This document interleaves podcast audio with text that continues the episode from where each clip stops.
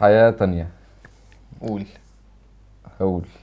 آه إحنا اتكلمنا في حلقة عن ال- آه، ورد القرآن وفضل قراءة القرآن.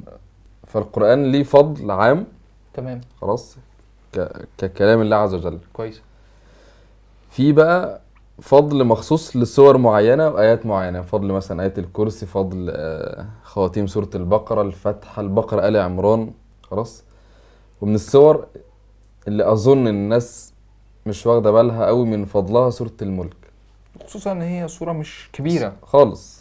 وسهلة. 30 آية. تبارك الذي بيده الملك. وأنا بحب جدا الصور اللي هي زي الفرقان مثلا. تبارك الذي نزل الفرقان. تبارك الذي بيده الملك. وهعلق على الصورة إيه في آخر ال- آخر الحلقة إن شاء الله. إحنا عايزين بس نقول فضلها سريعا كده. إحنا ناس كتير بتسأل. خلاص. يجي حد يسألك مثلا أنا خايف مثلا من العذاب وخايف من عذاب القبر أعمل إيه وإيه الحاجات اللي تنجيني من عذاب القبر مثلا؟ خلاص قال النبي عليه الصلاة والسلام إن سورة في القرآن ثلاثون آية شفعت لرجل حتى غفر له.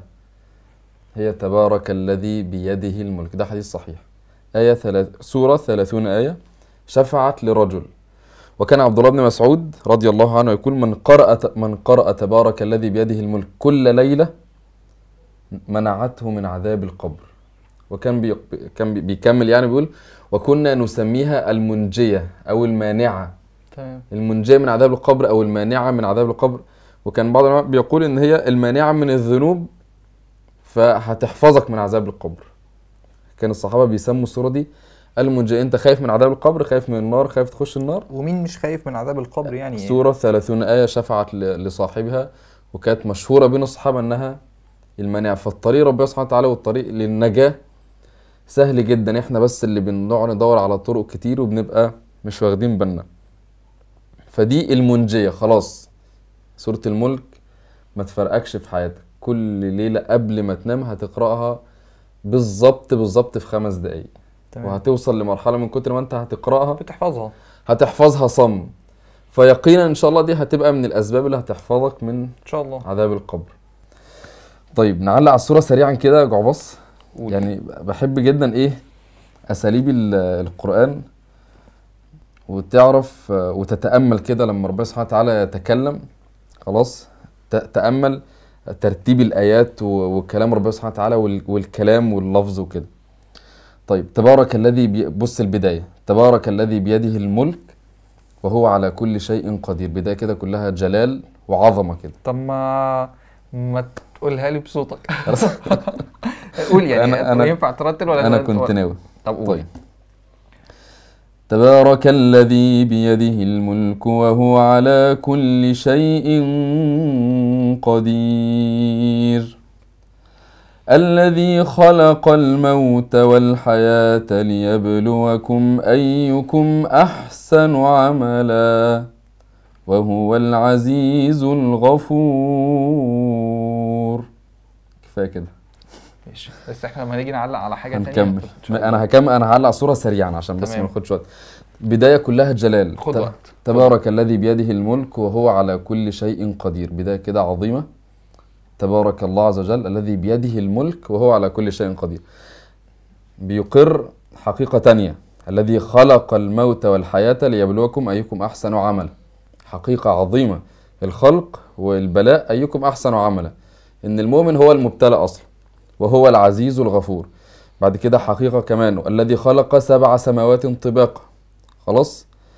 ربنا سبحانه وتعالى هيكمل وبعدين حقيقة مهمة جدا. والذين كفروا بربهم عذاب جهنم. خلاص إحنا طب بداية كلها جلال وعظمة. آه، إثبات للخلق. الكفار في النار. حقيقة مهمة. وللذين كفروا بربهم عذاب جهنم وبئس المصير. محدش يتناقش في دي. خلاص دي مسألة عقدية مهمة جدا.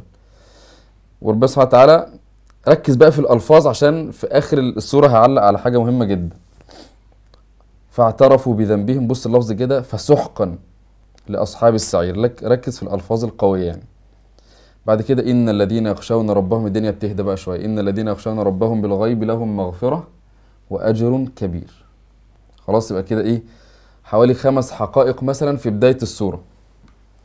وأسروا قولكم أو اجهروا به. هو الذي جعل لكم الأرض ذلولا. كلها حقائق وحاجات ردود. خلاص ولقد كذب الذين من قبلهم فكيف كان نكير؟ ربنا بي أولم يروا إلى الطير فوقهم صافات ويقبضن. اتهام ورد على طول. هم بيقولوا كذا ربنا سبحانه وتعالى بيرد. أمن هذا الذي هو جند لكم ينصركم. أمن هذا الذي يرزقكم إن أمسك رزقه. أفمن يمشي مكبا؟ قل هو الذي أنشأكم. كلها حقائق سبحان الله. السورة قوية جدا جدا جدا في كلام الله عز وجل. بص بقى القوة دي. خلاص شوف ال- الآيات ماشية قوية إزاي. بص بقى. اقرأ بقى. حاضر. يلا. طيب. دي يعني نهاية السورة ال ال ال اللطيفة. بعد بقى ال- القوة دي كلها والعقيدة والخلق والكفار في النار ومش والدفاع والكلام ده كله. قل هو الرحمن آمنا به وعليه توكلنا. فستعلمون من هو في ضلال مبين. قل هو الرحمن. فاكر لما كنا بنتكلم على سورة مريم. خلاص. فحوار سيدنا إبراهيم مع والده. نعم، نعم. كويس. إني أخاف أن يمسك عذاب من الرحمن بيرغبوا بعد كل اللي فات ده خلاص. قل هو الرحمن. مع, مع إن برضه مناسب. قل هو الجبار. قل هو القوي. قل هو الخالق. لا. قل هو الرحمن آمنا به وعليه توكلنا فستعلمون من هو في ضلال مبين. جزاكم الله خير السلام عليكم.